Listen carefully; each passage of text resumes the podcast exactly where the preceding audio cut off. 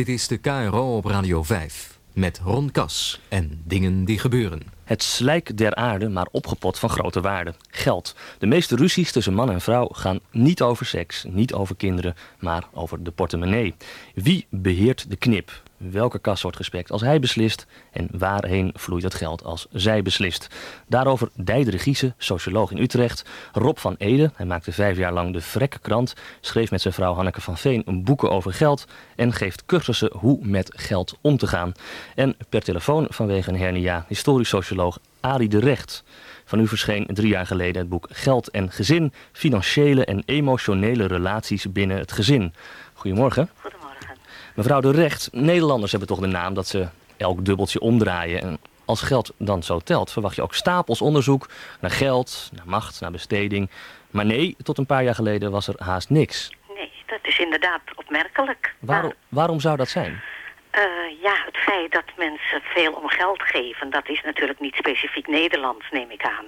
Maar het feit dat je daar niet over praat, dat zeggen sommigen is wel specifiek Nederlands. Nederlands zijn, Nederlanders zijn nogal geheimzinnig over hun geld. Ze praten daar niet veel over. Uit elk onderzoek blijkt dat Nederlanders niet graag zeggen hoeveel ze verdienen. Dat is bijvoorbeeld heel anders dan in de Verenigde Staten... waar mensen heel openlijk kunnen praten over het feit dat ze zo of zoveel verdienen. Misschien vinden ze daar zelfs wel leuk om te vertellen. Dat vinden ze leuk om dat te vertellen, maar dat doen Nederlanders beslist niet. Ze vinden dat is een heel duidelijke privézaak en daar praat je niet over. Is het een van de laatste taboes? Nou, dat is misschien een heel groot woord, maar ik denk zeker dat het een taboe is om over die uh, financiële kwesties zo openlijk te praten. Mm Rob van Ede hier aan tafel. Uh, u gaat vaak het land in en praat over geld, over zuinigheid. U geeft cursussen. Is dat ook uw ervaring? Dat het heel moeilijk is om over geld te praten? Niet alleen hun inkomen. Wij hebben in onze cursus vaak een korte oefening... waarin we aan mensen vragen om voor zichzelf op een papier op te schrijven... waar ze hun geld aan uitgeven. Mensen weten het ook niet. Het is niet alleen dat er niet over gepraat wordt... maar mensen weten zelf ook niet waar ze hun geld aan uitgeven. Er wordt heel weinig over gepraat. Ook tussen partners niet. En men is zich niet bewust van hoe, hoe, precies dat geld een rol in het leven speelt. Onwetendheid daarover, is dat een luxe probleem dan? Nou, ik denk dat het in die zin een luxe probleem is. Dat waar wanneer er genoeg is, er ook niet zo'n grote noodzaak is om over te praten. Maar ik denk dat het niet alleen weinig gepraat wordt bij mensen die uh, niet genoeg hebben, maar ook bij mensen waar financiële schaarste is. En ik denk dat dat al een hele oude traditie is, uh, niet alleen in Nederland, dat waar weinig is, dat daar één persoon verantwoordelijk is voor dat geld. En die moet het maar hebben zien uit te maken. En dat was traditioneel gezien natuurlijk de vrouw. Ter vergelijking, eh, waar het dan weinig is kennelijk, in Engeland, ja. daar vind je wel onderzoek. Ja, daar is meer onderzoek dan in Nederland. Daar is een traditie van onderzoek. Dat is stamt al vanuit de 19e eeuw. Toen sociale werkers de gezinnen ingingen om te kijken hoe het met die arbeiden, met name met arbeidersgezinnen, ging. En men tot de ontdekking kwam dat er een groot verschil was tussen mannen en vrouwen. Daar kwam men tot de ontdekking dat uh, vrouwen niet altijd het loon, al het geld van hun man kregen. En dat vrouwen bijvoorbeeld... Uh, minder voor zichzelf aan voedsel namen dan zij voor hun man en ook voor hun kinderen beschikbaar stelden. En dat heeft sociale werkers ertoe geleid om aandacht te richten op dat het gezin niet een eenheid is. Natuurlijk ook economisch een eenheid is, maar dat binnen dat gezin toch grote verschillen in welvaart zou je bijna kunnen zeggen bestaan. En dat heeft een traditie van onderzoek opgeleverd die tot op de dag van vandaag doorwerkt. Ik zie het dan ook meteen zo voor me. Ja, misschien is het een vooroordeel. Maar ik zie dan ook mannen uh, hun geld afstaan als ze thuiskomen. Het huishoudpotje voor de vrouw. Zelf de kroeg induiken. Ja, dat is natuurlijk... Nou, het is heel erg een uh, overdrijving natuurlijk. Maar het is een beeld waar een werkelijkheid achter zit. Maar dat is, kan je natuurlijk niet algemeen stellen. Maar dat is één van de dingen die gebeurden. En dat waren natuurlijk vooral de situaties waar de sociale werkers en later de sociologen belangstelling voor kregen. Die hebben meer belangstelling voor problemen dan voor uh, zaken waar het goed gaat. Uh-huh, we praten erg over het verleden. Ja. Uh, de laatste jaren, de laatste tien jaar, is er in Nederland ook onderzoek op gang gekomen. Ja. Waar staat dat dan in? nou, daar is een soort belangstelling voor. En ik denk dat die heel veel te maken heeft met het feit dat vrouwen in Nederland zijn gaan werken. Dus ook een aandeel hebben in het gezinsinkomen. En dat daarmee de verhouding van wie brengt wat in en wat gebeurt ermee weer een nieuwe aandacht heeft gewekt. Dus, uh, het is niet meer zo, de man brengt het geld in en de vrouw moet daar maar mee zien rond te komen. Nee, nu werkt men allebei, of tenminste gedeeltelijk allebei. En dat heeft nieuwe machtsverhoudingen tot stand gebracht. Waar we verse gegevens bij hebben, want uh, de Giese, u verspreidde een enquête onder zo'n anderhalfduizend paren, daar ging het om, naar hun bestedingsgedrag. Het is een onderzoek dat zo nog in volle gang is, geloof ik. Hoe ver bent u met turven? Nou, we zijn uh, een aardig eindje gekomen. En uh, de eerste gegevens uh, zijn, wijzen eigenlijk uit dat het wel een beetje meevalt... met die grote spectaculaire verschillen tussen mannen en vrouwen... die toch vaak verondersteld worden eigenlijk. En heeft u ook onderzocht hoe dat komt? Dat het meevalt? Komt dat doordat inderdaad mannen en vrouwen nu allebei werken... in tegenstelling tot 20 jaar geleden? Nou, dat is nog een beetje te vroeg om daar echt wat over te zeggen. We hebben gevraagd aan mensen van wie geeft nou eigenlijk het meest uit van u beiden aan bepaalde zaken, zoals kleding, boeken, cd's, uw eigen hobby's. En uh, daaruit blijkt dat uh, vrouwen, nou, zoals iedereen wel verwachten, inderdaad meer uitgeven aan kleding. Dat zeggen ze zelf en dat zeggen ook uh, hun mannen over hun. Maar mannen geven meer uit aan hobby's en uitgaan in die, die richting op. Maar gemiddeld genomen valt het eigenlijk heel erg mee. En zitten ze toch, geven ze eigenlijk allebei een beetje hetzelfde uit. Oké, we gaan toch de nadruk leggen op, op de verschillen. Um, um, wie beslist over, over luxe dingen? Als we het samen voor het zeggen hebben, wie beslist over op vakantie gaan? Uh, nou, dat hebben we helaas niet onderzocht. We hebben wel bijvoorbeeld gevraagd van uh, wat uh, overlegt u met elkaar over bijvoorbeeld grote uitgaves. Dus dat zegt ook een beetje wat over wie nou ja, de macht heeft over het geld. Als mannen nooit aan hun vrouw toestemming vragen of overleggen over grote uitgaves, zou dat erop wijzen dat zij eigenlijk kunnen doen waar ze zin in hebben. Aha. Ja, mevrouw de Recht overigens, u luistert mee per telefoon. Als u denkt van hier aan tafel weten ze het niet, maar ik weet het wel. Roept u gerust hoor. Ja, dat ik doen, maar dit weet ik ook uh, inderdaad niet. En dat het meevalt, dat, dat, verbaast mij op dit moment helemaal niet. Ik geloof dat, uh, dat geloof ik graag. Want er is natuurlijk, u zei net tegen mij, u praat erg over het verleden, dat was ook zo. Er is natuurlijk heel veel veranderd in deze tijd. En ik denk dat die machtsverhoudingen tussen mannen en vrouwen iets meer gelijk zijn geworden. En dat dat ook in het bestedingspatroon tot uiting komt. En waar ik het zo pas over had, was natuurlijk ook vooral een groep armere mensen. En ik denk dat het in de, uh, in de mensen met meer geld altijd wel anders is geweest. Bijvoorbeeld het feit dat vrouwen veel aan kleding uitgeven. Dat is natuurlijk altijd zo geweest. Vrouwen representeren het, het gezin naar buiten. En dat zij mooi gekleed zijn, dat is ook de status van de man. Vrouwen hebben altijd heel duidelijk een statusfunctie gehad in de consumptie. Als vrouwen het gezin vertegenwoordigen, komt dat dan ook in andere dingen tot uiting? Bijvoorbeeld de verzorging van de kinderen, nou, want dat is ook het plaatje naar buiten. Ik denk dat vrouwen veel meer dan mannen kijken hoe hun kinderen gekleed zijn. Dat de kinderen gekleed zijn zoals andere kinderen gekleed zijn. Dat, dat ze daar ook heel veel geld voor over hebben. Juist om hun kinderen niet achter te laten blijven. Omdat dat ook iets is, dat is het gezin naar buiten. Ik denk dat het ook voor de woning, voor woninginrichting geldt. Daar besteden vrouwen veel geld aan. Omdat uh, zij een representatieve functie hebben. Dat is toch, mm, wordt iets minder. Maar dat is toch ook altijd een van haar taken geweest dat te doen. Dat was zo en, en dat is zo. Dan ben ik zo benieuwd, als het zoveel jaar geleden uh, zag het gezin er anders uit. Het traditionele gezin dan het gezin ja. nu. Ja. Uh, de vrouw met de huishoudpot. Misschien mag ik dat cliché uh, aanhouden. Ja. Maar mag ik daar iets aan toevoegen? Want in de cursussen die wij geven zien we dus vrij veel stellen. En ook mensen alleen maar die dan vertellen over hun partner. En uh, wat eigenlijk ook opvalt in het verhaal van mevrouw de Recht... is dat vrouwen weliswaar veel geld uitgeven aan... of relatief veel geld uitgeven aan kleding, kinderen... en de inrichting van het huis. Maar ja, dat is eigenlijk dus een gezamenlijke uitgave, zou je kunnen zeggen. Nou, kleding... Kleding is natuurlijk wel voor de vrouw... maar het is, een, het is een uitgave die er ook bedoeld is... om de status van de man te verhogen. Ja, ja zeker. Uh, wat wij dus, uh, vrouwen voelen zich daar toch vaak ook schuldig over, merken we. Vind, ze vinden ook dat ze een gat in hun hand hebben of te veel geld uitgeven. Maar wat ons opvalt in de cursus is dat mannen toch vaak meer geld uitgeven aan dure hobby's. Aan hun auto en aan uitgaan met vrienden. En daar wordt heel uh, badinerend over gedaan door die man. Van nou ja, dat is toch logisch. Ik ga gewoon uit of ik heb dit of ik ga, heb een hengelsport.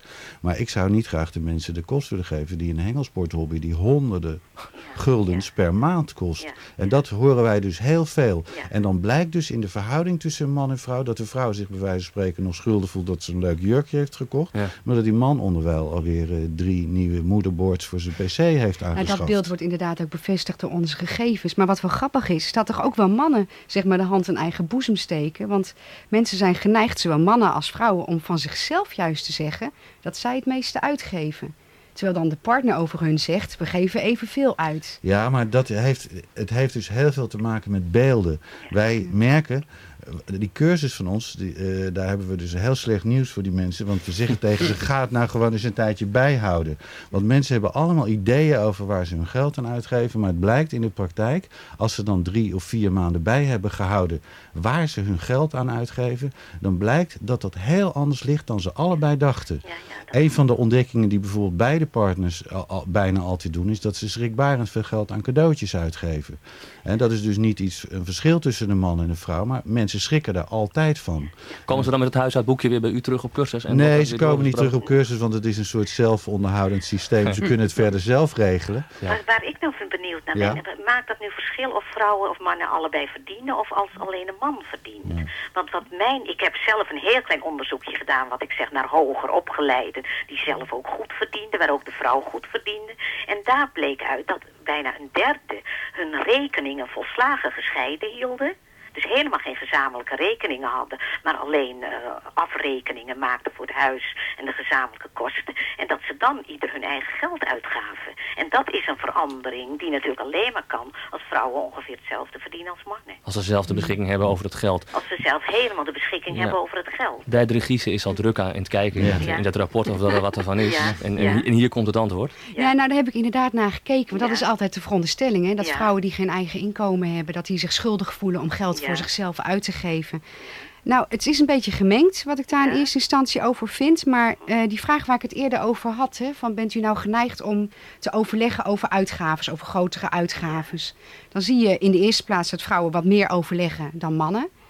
Maar je ziet ook inderdaad een duidelijk effect van of ze een eigen inkomen hebben. Vrouwen met een eigen inkomen overleggen minder vaak met hun man over het geld wat ze uitgeven dan vrouwen die geen eigen inkomen hebben. Dus dat wijst er inderdaad wel op dat dat toch een zekere zelfstandigheid geeft, zoals we zouden verwachten. Ja. Wat ook altijd gezegd wordt, is dat vrouwen eh, zuiniger zijn. Ja. Kijk ik meteen naar de, de, de vrekkenkampioen. Ja, nou, daar ben ik dus absoluut van overtuigd. We hebben echt honderden cursisten gezien en duizenden brieven echt ontvangen, hoofdzakelijk eh, van vrouwen. Eh, ik denk dat 80% van de mensen aan cursussen en 80% van de mensen die schrijven vrouwen zijn. Misschien nog wel meer. Ehm, en het blijkt dus inderdaad dat vrouwen, ja, moet ik echt als man dan toegeven, veel beter eh, met geld kunnen omgaan. Het is er eigenlijk ook niet zo eh, ja, on- onwaarschijnlijk. Want vrouwen hebben natuurlijk vaak dagelijks met heel veel eh, dingen en uitgaven te maken. Dat zijn honderden transacties, duizenden per jaar die zij doen. Of het nu om boodschappen gaat, om kinderkleren, het hele management eigenlijk van het huishoudbudget. En de man geeft dan misschien nog wel meer uit, maar dat zijn vaak grote dingen. Of hij ik denk, kan dat heel goed verklaren. Ja. Als iets traditioneel een taak is van vrouwen, en dat is het beheren van het huishoudgeld, Ja. dat ze daar dan specialisten in worden. Ja. Dat kan ik me heel goed voorstellen. Ja. Ik denk, het is niet een, natuurlijk verschil tussen mannen en vrouwen, neem ik aan. Maar het is een eh, sociaal geleerd iets van vrouwen. Die hebben dat weer van hun moeder gezien. En eh, ik kan het me heel goed voorstellen, ja. Wij, wij doen dus iets heel grappigs met die cursisten. Dan, eh, vooral de stellen die het dus vaak ook niet eens zijn met elkaar over geld. En dan zeggen we, nou ga nou eens een boekhouding bijhouden. Nou, dan zie je twee zure gezichten. En dan zegt die man, nou ga jij het huishoudboekje maar bijhouden. En dan zeggen wij, weet je wat je moet doen eh, tegen die man? Je moet het in een spreadsheet zetten. En dan moet je met je computer moet je een programma ontwikkelen en grafieken. En opeens begint die man helemaal enthousiast te worden. Vanwege dat computerverhaal. Ja, hè, dus wij maken er iets heel aantrekkelijks van. En je ziet dus inderdaad, ik moet dus zeggen dat ik zelf ook een slachtoffer hiervan ben. Ik zit ook achter die spreadsheet. Maar je ziet dus dan dat ste- stellen dan samen gaan werken. Die man vindt het leuk om dat heel overzichtelijk in tabellen en onder het te uit te brengen. leggen aan zijn vrouw. En het uit te leggen dat zijn vrouw. En dan de grafieken te presenteren hè, als een echte manager. Maar het blijkt wel dat je dan meer discussie krijgt dan wanneer die vrouw alleen alles gaat bijhouden. En eh, ja, die man denkt, nou, daar eh, heb ik geen interesse in. Nou, daar hebben we ook inderdaad nog wat vragen over gesteld. Van wie doet nou bij u de financiële administratie? En eh, nou, mannen en vrouwen doen het eigenlijk even vaak, gemiddeld genomen.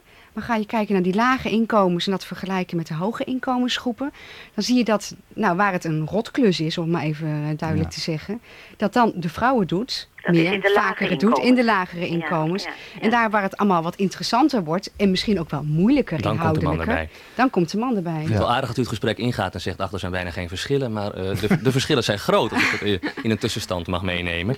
We waren ergens blijven steken dat eh, bij vragen als 20 jaar geleden was het bestedingspatroon van mannen en vrouwen toch anders dan nu. Veel vrouwen die beheerden de huishoudpot, veel mannen eh, waren de hoofdverdieners en gaven het grote geld uit.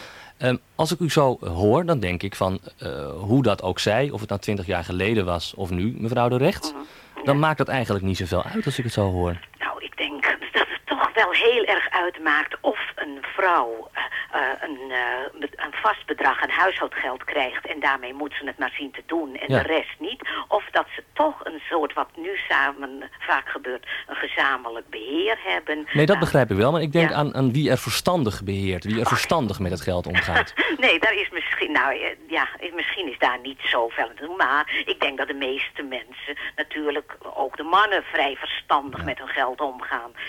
Ik weet niet of je nou verstand helemaal kan eh, onderzoeken. Nee, dat is... Ik, ik, Maar- de- ik en denk dat- ik denk, ik zie dat het patroon van vroeger, dat dat nu, zoals Dijter nu zegt, dat vind ik heel interessant, dat dat eigenlijk nog steeds zo is. Dat vind ik een heel interessant gegeven. Maar de verschillen zijn dus niet zo groot. Ze zijn nog wel in die richting, maar ze Ja. zijn niet Nee, nou, erg, nee, erg en groot. dat is denk Ja. ik de verschuiving die er is opgetreden. Het komt dichter bij elkaar. Het komt naarmate we dichter bij elkaar staan in het uitgavenpatroon. En, en dat Precies. zorgvuldig omgaan met geld, daarvan hebben wij eigenlijk ja, ontdekt door al die correspondentie en die gesprekken met mensen, dat dat natuurlijk ook iets heel ouds is. Ja. We hebben gewoon vroeger, en ik 99% van de Nederlanders, die heeft vroeger gewoon zuinig moeten zijn. Ja, heel simpel Ja, werd je door de omstandigheden wel gedwongen om, eh, om, om heel zorgvuldig om te gaan en om ervoor te zorgen gewoon te kunnen overleven. Dus dat is eigenlijk een soort volkscultuur die nog heel dicht bij ons is. Alleen de laatste 20, 30 jaar, door dus een enorme overvloed die ontstaan is in, in inkomen, eh, hebben mensen eigenlijk veel onverantwoordelijker zich kunnen gedragen. Ook ja, geld kunnen lenen enzovoort. En dat is natuurlijk ja, je kan vrij snel toch terugvallen op, op zeg maar oude kennis. Je hoeft alleen maar je ouders te vragen hoe ze deden. Dan, eh, ja. dan kom je Maar wel dat heel doen eind. mensen vaak natuurlijk ook Ja. niet. Hè? Maar dat is wel iets waar mensen Ja. weinig over praten. Ja. Ook met elkaar en met hun ouders of hun vrienden en vriendinnen. dat van hoe doen jullie dat nou met Ja. het geld? Ja, Mhm. het is heel erg een voorbeeldfunctie, maar niet dat je het expliciet geleerd krijgt. En dat vind ik toch heel opmerkelijk met alles wat over geld gaat. Er wordt zo weinig over gepraat. Ja, Goed, En dat- zo, zo begonnen we dit gesprek. Ja. Ja. Ja, dan, Ja. Zijn, dan zijn we daar weer bij aan, eh, aanbeland. Nog iets anders, als het gaat om eh, Nederland en, en die zuinigheid... die er altijd in zat omdat we de tering naar de nering moesten zetten... en nu het allemaal wat makkelijker vloeit. Heeft het ook met onze volksaard te maken? Ik geloof eh, absoluut niet. Eh, Belgen zijn veel zuiniger dan Nederlanders, daar ben ik al lang achter. Die sparen ook meer, gewoon als je het economisch bekijkt. De spaarquote is in, in België en in veel andere landen veel hoger dan in Nederland. Het is een of andere ja, idee wat vroeger ontstaan is. Ik moet eerlijk zeggen dat ik niet goed weet hoe. Eh, maar eh, dat een Nederlander zuinig is, eh, daar geloof ik Nou, echt ze niks zijn van. misschien niet zo royaal naar andere mensen toe. Dat is natuurlijk het, het stereotype van de zuinigheid. Dat ze niet zo royaal, misschien nog wel royaal voor zichzelf zijn. Maar dat ze niet zo gastvrij zijn, dat ze één koekje bij de thee geven. Dat dat is een Ja, maar dat- dat- fooien. Maar dat klopt ook niet echt. Want als je kijkt naar bijvoorbeeld de, de hoeveelheid geld die er in Nederland aan goede doelen wordt gegeven. nee, nee. Dat is dus een veelvoud van wat er in Ja, België ja, wordt eh, gegeven. Ja, nee, dat geef ik meteen toe. Maar ik bedoel meer in die persoonlijke relaties. Lei, is dat misschien ook een stereotype hoor? Ik geloof dat ook zeker. Ik geef u groot gelijk dat dat misschien meer een idee is dan dat het nou werkelijk, dat mensen werkelijk zo zuinig zijn. Mhm. Maar eh, dat, een- zo'n idee is zo hardnekkig, daar is geloof ik niet tegen te vechten. Nee. Laten we dat ook niet doen. En bovendien, laten we het in Nederland houden. Ja. Eh, de, de praktijk in Nederland. Ehm, twee verdieners, blijft het dan uiteindelijk e- één huishoudpot... of scheiden de rekeningen zich? Heeft u dat uitgezocht, mevrouw? Ja, ik heb eh, inderdaad gekeken naar hebben mensen nu gezamenlijk hun bankrekeningen of apart. En nou, de meeste getrouwde mensen in Nederland hebben het overwegend samen. Gemeenschappelijk eigendom over die bankrekeningen. Maar dat is heel anders bij samenwonende paren bijvoorbeeld. Die hebben een heel ander patroon. Die zijn veel meer gescheiden. Die kun je eigenlijk niet echt zien als een financieel-economische eenheid. En eh, dus dat heeft meer te maken met hoe lang mensen bij elkaar zijn, of ze getrouwd zijn of niet. En niet zozeer met die twee inkomens. Het past goed in de, in de samenwonings, samenlevingscontracten. Dat je Ja. dan inderdaad Het alles op een rijtje houdt en Het is gescheiden heel houdt. interessant hoe mensen er dan mee omgaan inderdaad. Hoe ze allerlei regelingen hebben om toch die gezamenlijke kosten te af te rekenen. Ja. Ja, dat is een heel gedoe natuurlijk, als je Is dat het apart wil houden. Dat is Ja. een ontzettend gedoe. maar Nou, het valt wel mee hoor. Tenminste, ik doe het nu 23 jaar en eh, het is vrij eenvoudig. We hebben dus alles eh, in feite eh, gescheiden. We zijn dus een tijd hebben we samen gewoond zonder getrouwd te zijn. Later zijn we getrouwd. Maar we hebben gewoon ieder onze eigen bankrekeningen en onze eigen administratie, zeg maar, voor zover we die willen voeren. En wij dragen dus allebei, zeg maar, naar vermogen bij aan de gezamenlijke kosten. En als je daar een systeem voor opzet, dan vind ik dat niet Nee, ingewikkelder. maar kijk, als iemand nou iets anders koopt, als iemand de wijn koopt die eigenlijk bij de ander hoort, dan kan je daar natuurlijk eindeloos over gaan Ja. delibereren of hoe dat nou afgerekend moet worden. Maar als je daar al ruzie over krijgt, dan denk ik dat je je überhaupt maar eens wat over die relatie moet gaan buigen. Ja. Want eh, ja, Dan is eh, gescheiden rekeningen de eerste stap naar een volgende. ja. Ehm, speelt de techniek daarbij een rol? Vroeger had je de huishoudpot thuis, je had Ja. de sok thuis. Tegenwoordig staan dingen op de Giro, Ja. twee Ja. bankpasjes. Ja. Ja. kunt je loon niet meer zo goed verbergen als man. Hè? Nu staat het gewoon zwart op wit op dat eh, salarisstrookje. Ja. Vroeger kreeg je ja. dat cash mee naar huis en kon je nog wel even een tientje of een paar gulden in de achterzak eh, Ja. stoppen. Ja. Wat voor invloed heeft die techniek, mevrouw de Recht? Ik weet het niet, maar inderdaad, wat Duiders zegt, vol- volgens mij is dat heel belangrijk dat, de, de, eh, dat, ieder, dat het openbaarder is, omdat het zwart op wit staat. Het is, eh, daardoor kan je makkelijk, en ik denk je kan makkelijker eh, over het, van het geld gebruik maken. Eh, een huishoudportemonnee kon leeg zijn, een bankrekening kan ook wel leeg zijn, maar je kan rood staan. Ik denk dat het bijvoorbeeld in het maken van schulden makkelijker is geworden. Nou, wat wij toch ook heel vaak nog zien, is dat mensen, zelfs die al jaren getrouwd zijn, niet precies weten van elkaar wat het inkomen is. Maar Vooral kijk- vrouwen dus weer, die niet weten wat een man verdient. Maar En de- kijken ze dan niet op de, op de afrekening? Kennelijk niet. Nee, dat wordt eh, gerespecteerd. Die envelop blijft gewoon Ja, dicht, ja. die Giro. Ja. En de man heeft gewoon zijn eigen rekeningen en maakt bijvoorbeeld naar de gezamenlijke rekening eh, geld over Ja. voor de huishoudpot. En er zijn echt mensen, vrouwen, die in de cursus ook zeggen: Ja, het spijt me, ik weet niet wat mijn man verdient. Ik weet het niet. Ja, nee. Het verwondert ons hoor, Ja, het maar het komt regelmatig ja, voor. Ja, ja, ja, ja. Ik heb het van kinderen over hun ouders onderzocht. En die wisten ook van toeten nog blazen Ja. over hoe, hoeveel hun ouders verdienden. Ja. Maar dat is natuurlijk nog iets minder verwonderlijk dan dit. Ja. Mevrouw de Recht, Ja. ehm, uw boek Geld en Gezin Ja. heb ik eh, gisteren gelezen. Ehm, Ja. Uw conclusie is nogal somber. Je zou zeggen, we komen steeds gelijkwaardiger in een relatie te staan. Ja. Eh, allemaal aan het werk, allemaal een inkomen, ja, winst ja. voor de relatie. Maar Ja. Toch, ehm, ja, zegt u iets sombers over relatie-idealen die we hebben. Ja. En over economische bindingen, de bindingen Ja, van deze oh, tijd. Ja, oh, maar ik bedoelde dat helemaal niet somber. Wat ik probeer te zeggen is dat eh, er nu het idee is dat als mensen een eh, emotionele relatie met elkaar hebben, dus dan mannen en vrouwen, dat dat eigenlijk geen economische relatie mag zijn. En dat vind ik een verkeerde veronderstelling. Ik denk dat mannen en vrouwen allebei moeten realiseren dat ze ook economisch aan elkaar gebonden zijn. En dat, dat hun liefdesrelatie niet doorkruist eh, of niet hoeft te doorkruisen. Eh, ik, ik verzet me eigenlijk tegen het idee dat een liefdesrelatie geen economische relatie mag zijn. Maar die economische relatie, zegt u ook, ehm, geld zet de relatie ook onder druk. Het zet de relatie ook onder druk, maar mensen moeten daar maar verstandig mee om leren gaan. Wij merken dus heel erg in die cursussen dat mensen zich echt opgelucht voelen na een dag. Er zijn bijna aan het eind van de dag vragen we de mensen wat ze nou echt leuk vonden die dag. En altijd zeggen mensen, ik vond het zo heerlijk om de hele dag over geld te praten. Het is een soort opluchting Ja, om met je partner, of in je, ook als je alleenstaand bent, nu is met mensen die daar ook over willen praten, na te denken, te praten, hoe ga ik met geld om? Gewoon je iets bewuster te worden en te ontdekken dat het eigenlijk heel handig ook is om iets meer te weten. En inderdaad, een relatie is, Ja. gaat natuurlijk ook over geld. Precies, en dat is, en dat is eigenlijk mijn conclusie. En, dat, eh, en niet dat je alleen maar moet denken dat liefde alleen maar over liefde gaat. Ja. Maar dat het ook over geld gaat. Precies. En zelfs denk ik, als je dat geldprobleem hebt opgelost Oh. of beter aanpakt, is er veel meer ruimte voor de liefde. Ja, ja. Met andere woorden, ehm, geld wordt onderschat als reden waarom relaties in de knoei komen. Ja. ja. en Absoluut. waarom relaties goed zijn. ja. Ja, ja. Ja, en vooral als relaties in de knoei komen en je hebt niet nagedacht over geld, dan kan het natuurlijk er heel akelig uitzien. En dan trekt toch wel vaak de vrouw aan het kortste eind, die financieel er dan heel slecht voor staat. Ja. ja. vooral bij samenwonende paren waar niks geregeld is, uh, kan het er heel akelig uitzien na afloop. Nou, als je dit doortrekt, dan wordt er in goede relaties veel over geld besproken.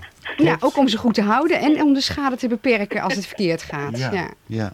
klopt. We zitten te filosoferen over hoe anderen het doen. Dan, dan ben ik toch benieuwd, hè? hoe doet u dat nou zelf thuis in het huishouden? Voldoet u aan al die beelden die u nu geschapen heeft? Ik heb twee gescheiden. Wij hebben twee gescheiden rekeningen. En praten inderdaad weinig over geld, maar we hebben het heel erg gescheiden.